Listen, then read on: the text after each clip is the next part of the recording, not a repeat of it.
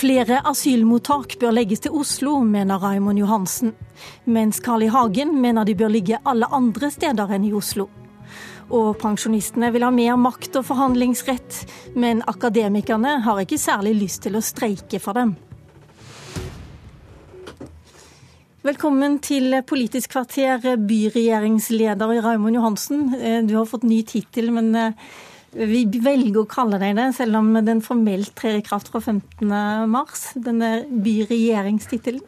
Uh, uansett, Oslo har flest innvandrere og tar imot flest asylsøkere av landets kommuner. Nå sier du at Oslo burde ha flere asylmottak. Hvorfor bør dere det? Ja, altså Vi var klare til å svare ja på en henvendelse som kom fra uh, eh, bl.a. Frp i regjering om å etablere asylmottak, og vi var klare til å gjøre det. Og det tror jeg er klokt. Veldig mange av de som kommer til Norge som har fått opphold, ender opp i Oslo. Eh, og vi tror det ville hjelpe i forhold til integreringen om vi også hadde mottak her. Jeg tror det som er å hindre integreringen mest, er jo at man blir værende veldig lenge ute på mottak, får aldri starta livet sitt, får ikke starta med ordentlig norsk, eh, norskopplæring og forbereder også arbeid.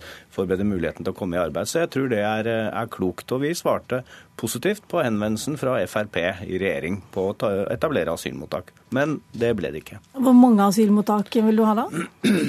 Nei, altså Vi er uh, stor enighet i, uh, i, bystyret i Oslo om at uh, vi tar det staten ber om. og De ba om noe i overkant av 1000. F.eks. for, for 2016 så har de bedt om at vi tar imot 200 enslige mindreårige asylsøkere. Hvilket vi krever ganske mye av. Så det er vi klart å gjøre. Oslo er en åpen, raus og inkluderende by. Velkommen også til Carl I. Hagen, gruppeleder for Fremskrittspartiet i Oslo. Ordinære asylmottak det er for dyre for UDI per i dag, og du syns ikke de skal bruke penger på det heller. Men er det noe bedre at de plasseres andre steder i landet? Det er mye rimeligere. De aller høyeste boligprisene og bygningskostnadene er jo i Oslo. I tillegg så har Oslo allerede enorme utfordringer med integrering av de ikke asylsøkere som Raymond snakker om, men de flyktninger som har fått permanent opphold. Altså bosetting av flyktninger er noe helt annet enn å ta imot asylmottak, for det er sånne som skal søke.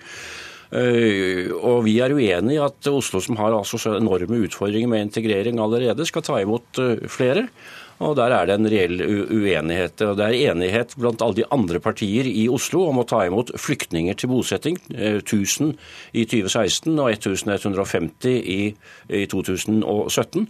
Men asylmottak det er statens ansvar, det er ikke noe kommunene er engasjert i. Vi har altså størst, større utfordringer med integrering av de som har fått permanent opphold, og de som har kommet til Oslo, og også de som for så vidt er ulovlig i Oslo.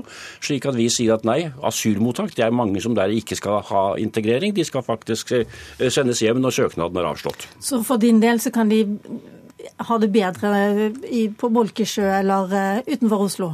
Jeg syns at der er det mye rimeligere, og nå begynner regningen for den eh, naive innvandring- og asylpolitikken Norge har ført i mange mange, mange år, på tross av advarsler i hvert fall fra Fremskrittspartiet.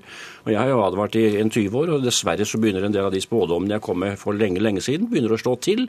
Og dessverre har jeg altså fått rett. Raymond Johansen, er det en ny linje fra Oslo Arbeiderparti med 'Velkommen verdensforfulgte'. Vi er en åpen og raus, inkluderende by. Altså Aldri før har det kommet flere asylsøkere til Norge enn når Fremskrittspartiet har sittet i regjering. Det er selvfølgelig ikke Fremskrittspartiets skyld. Eh, det er verdenssituasjonen som er sånn, med krig og konflikt. Mange flykter. Det ser vi i hele Europa. Eh, Oslo og Norge skal ha sin del av ansvaret. Jeg må imidlertid si at eh, når det kom mange tidligere år, så måtte jeg hindre FrPs forespørsel i regjering om å ta imot og etablere et gigantmottak på 3000 i Groruddalen. Et område hvor eh, det er svært få etnisk norske. Vi tror at det hadde hatt veldig negative virkninger for integreringen. Det blir eh, at de kommer på Montebello på Oslos vest? Nei, jeg tror det å ha gigantmottak i seg selv er vi imot. Det å ha flere eh, mottak er positivt. Vi står nå foran store integreringsutfordringer. Også, jeg tror det er veldig viktig å gi folk rett til å søke asyl. Mange kommer til å få opphold fordi de har et beskyttelsesbehov. Da må vi konsentrere oss om en god integreringspolitikk. Lære folk norsk sørge for at de kommer i arbeid og blir en del av vårt samfunn. Da må man faktisk sette av penger til det, og det er Frp som sitter i regjering og skal sørge for at det nå settes av penger, sånn at Oslo bl.a. kan bidra til at folk lærer norsk og kommer i arbeid. La meg først korrigere. Altså, det er ikke regjeringen som har spurt oss, det er UDI. Utlendingsdirektoratet. Ja, Gøran Kalmyr satt i regjering, Karl. Ja men, det, ja, men det er ikke regjeringen som gjør dette. Regjeringen har gitt UDI i oppdrag å fremskaffe asylmottaksplasser.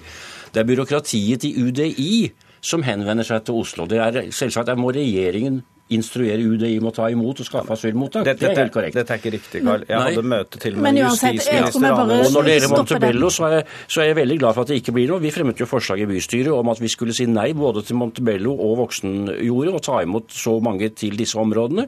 Alle de andre partiene i Oslo stemte imot våre forslag om å si nei til Montebello. Men eh, en annen ting. Arbeiderpartiet er jo en av regjeringens forlikspartnere når det gjelder asylinnstramming. Men fra Oslo så har byrådet eh, bare sendt kritiske merknader til innstrammingene. Betyr det at eh, du, Raymond Johansen, ikke mener innstramming er nødvendig? Altså, Vi er helt uh, for de innstramningene. Vi står bak det er bare kritiske merkninger når det vi- har sendt inn i Her må vi skille epler og pærer. Eh, Det forslaget, det asylforslag, eller forliket, baserer seg på asylpolitikken. Så er det sånn at eh, Listhaug har eh, gått og fremmet forslag på hvordan dette praktisk faktisk skal utformes, som også knytter seg til integrering. Der har vi kommet med noen nødvendige, etter vårt skjønn, kritiske merknader knytta til det. Bl.a. når det gjelder eh, fri rettshjelp for enslige mindreårige asylsøkere, som vi tror er viktig for å sikre at de fortest mulig kan integreres. Det er et av de eksemplene som eh, vi har eh, uttalt oss om i høringsuttalelsen. Alle de, de fem punktene som byrådet har uttalt seg om, er man negativt innstilt til å forsterke forsørgelsesevnen. Vilkår om botid for å få permanent opphold. Eh, Og dette også med fri rettshjelp. Og det er altså hele tiden ikke snakk fra Raymonds side om, om integrering. Dette er asylsøkere. Det er først når eventuelt en asylsøknad er innvilget og det er et beskyttelsesbehov. Og de aller fleste sier jo at de, de som kom i fjor høst, de store mengdene, det er jo først og fremst migranter. Det er økonomiske eh, flyktninger. Det er ikke de som er de svakeste, for de er dessverre i leire. og Derfor burde vi konsentrere oss og være rundhåndet ved å hjelpe i nærområdene, slik at man ikke behøvde den store risikoen å sette men, ut på, men nå på har 31 000 kommet til Norge uansett, så ett sted skal de bo, eh, Hagen. Men eh, Raymond Hansen, Ja, veldig, veldig raskt. Vi ønsker også å hjelpe folk eh, i, nær, i nærområdene. Derfor er det viktig å ha store bistandsbudsjetter. Det går Carl I. Hagen mot. Det det, det, vi, det, vi, det vi er opptatt av. det, det vi er opptatt av, er at uh, man skal kunne Hvis man ikke har et beskyttelsesbehov, så skal man sendes raskest mulig. Raskest mulig behandling. Så må vi jobbe med integrering for de som skal bo her. Det er en kjempeutfordring, ikke minst for Oslo. der det er fikk jeg i hvert fall et nikk fra begge to til slutt, jeg må sette strek der. Takk til begge to.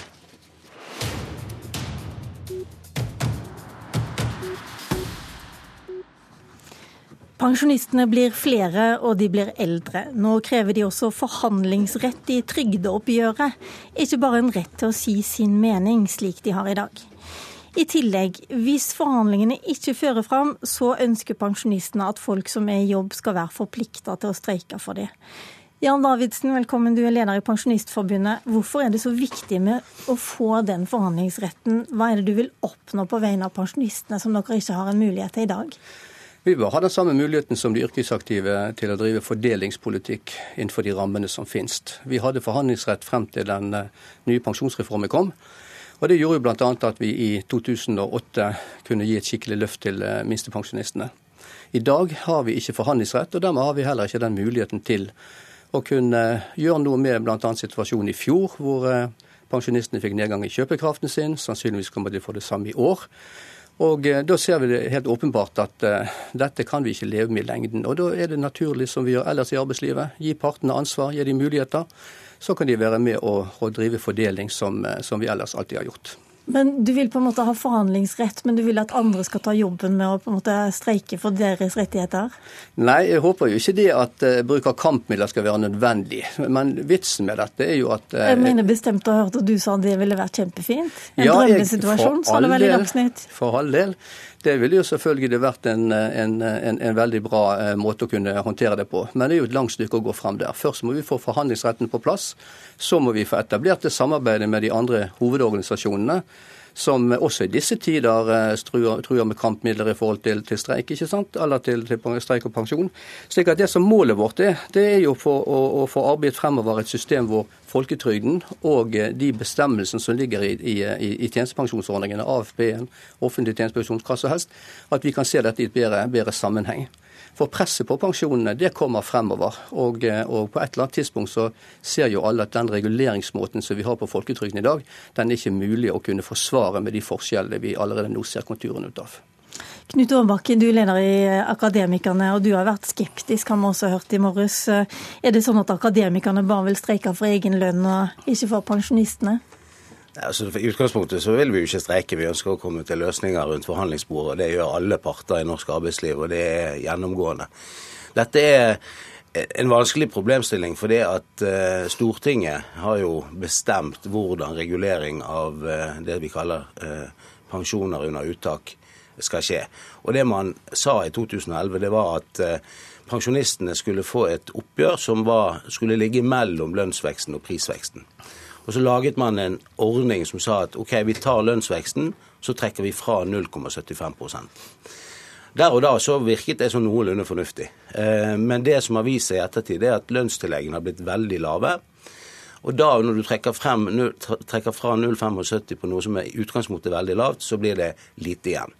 Så jeg tror at det første vi bør gjøre, det er å se på den reguleringsmekanismen og at regjeringen går til Stortinget og eh, endrer det. Jeg syns også at pensjonister skal ha den samme lønnsveksten som oss andre i samfunnet. Og da må vi legge lønnsveksten til grunn og ikke trekke fra disse 0,75. Hva syns du om at eh, Pensjonistforbundet vil ha forhandlingsrett i likhet med dere, Unio, eh, IS og LO? Ja, altså, jeg, jeg, forstår jo det. Det er jo ikke vanskelig å, å skjønne et sånt argument. men det vil være en litt fremmed fugl i eh, den floraen vi har knyttet til trepartssamarbeidet i Norge. Ja, Eller nyskapende, kan du si? Det kan man selvfølgelig si. Eh, problemstillingen er at siden 60-tallet eller der omkring, så har partene i arbeidslivet vært de som utgjør trepartssamarbeidet sammen med myndighetene. Og vi har også eh, selvfølgelig pensjon som en del av den dialogen. Og Det viser jo oppkjøringen til årets oppgjør at pensjon er noe arbeidstakerne og arbeidsgiverne er veldig opptatt av. Og da, da må vi si at det er i lønnsforhandlingene, da er det snakk om tjenestepensjonen som arbeidsgiverne betaler, mens det Davidsen snakker om nå, det er den folketrygda som skal forhandles etterpå. Bare sånn for lytternes del her. Men det jeg lurer på, Davidsen, hvis du skal ha forhandlingsrett, hvorfor skal ikke studenter ha det? Eh, pensjon, altså folk med funksjonshemminger f.eks. Hvorfor skal spesielt pensjonistene inn der? Nei, fordi Det har vært en eh, viktig del av, eh, av det norske systemet. Vi har hatt Pensjonistforbundet 65 år i år. Og Pensjonistforbundet ble etablert som kamporganisasjon, og Pensjonistforbundet har satt sitt stempel gjennom den forhandlingsretten vi hadde på de trygdeoppgjørene som var før pensjonsreformen kom. Og det, det er helt, eh, helt, eh, riktig som det er sagt der, at den reguleringsformen som eh, vi har for øyeblikket, den, den gir dette skeive utslaget. Men vi vil også se litt, litt, fremover på det. For det er ikke tvil om at, at det som arbeidstakerorganisasjonene nå har jobbet med på tjenestepensjonsområdet, er utrolig viktig for å sikre anstendighet og nivå, og ikke minst ha dette som en del av arbeidsmarkedspolitikken. Men jeg bare minne om at forutsetningen for pensjonsreformen det var mangel på arbeidskraft. I dag sitter vi med 100 000 arbeidsledige. Vi har eh, mange titusener unger som ikke kommer seg inn i arbeidslivet. Og Samtidig skal vi da jobbe for at folk skal stå lenge. Vi må finne ut hvilke mekanismer kan vi bruke for å se disse tingene i sammenheng. Og Det mener vi også kan være en del av en, en, en forhandlingsrett. Og sørge for at eh, de samfunnsmessige problemene vi har, det blir også den Husk på at vi snakker om rundt en million mennesker som i dag ikke har den, den samme muligheten til å påvirke som de yrkesaktive. Bøndene ja, forhandler også. Ja, men, altså, men, men, man har jo eh, sjanse til å påvirke. Og vi påvirker jo, altså partene i arbeidslivet, LO, YS, Unio, Akademikerne, vi har jo også pensjonistmedlemmer. Vi har vel til sammen flere pensjonistmedlemmer enn Pensjonistforbundet har. Og det er klart at vi ivaretar deres interesser også. Eh, vi, må sette, må, vi, må sette, en strek ja, okay. der, rett og slett, sånn for tida vår ute i Politisk kvarter i dag. Takk til dere, Knut Aarbakke, leder i Akademikerne, og Jan Davidsen, leder i Pensjonistforbundet. Jeg skal minne om at fra og med i morgen så kan du høre en redigert versjon av Politisk kvarter fra hele uka. Programmet går i kanalen Alltid nyheter lørdager klokka åtte og søndager klokka 13. Hør oss da også. Programleder i dag, det var Lilla Sølhusvik.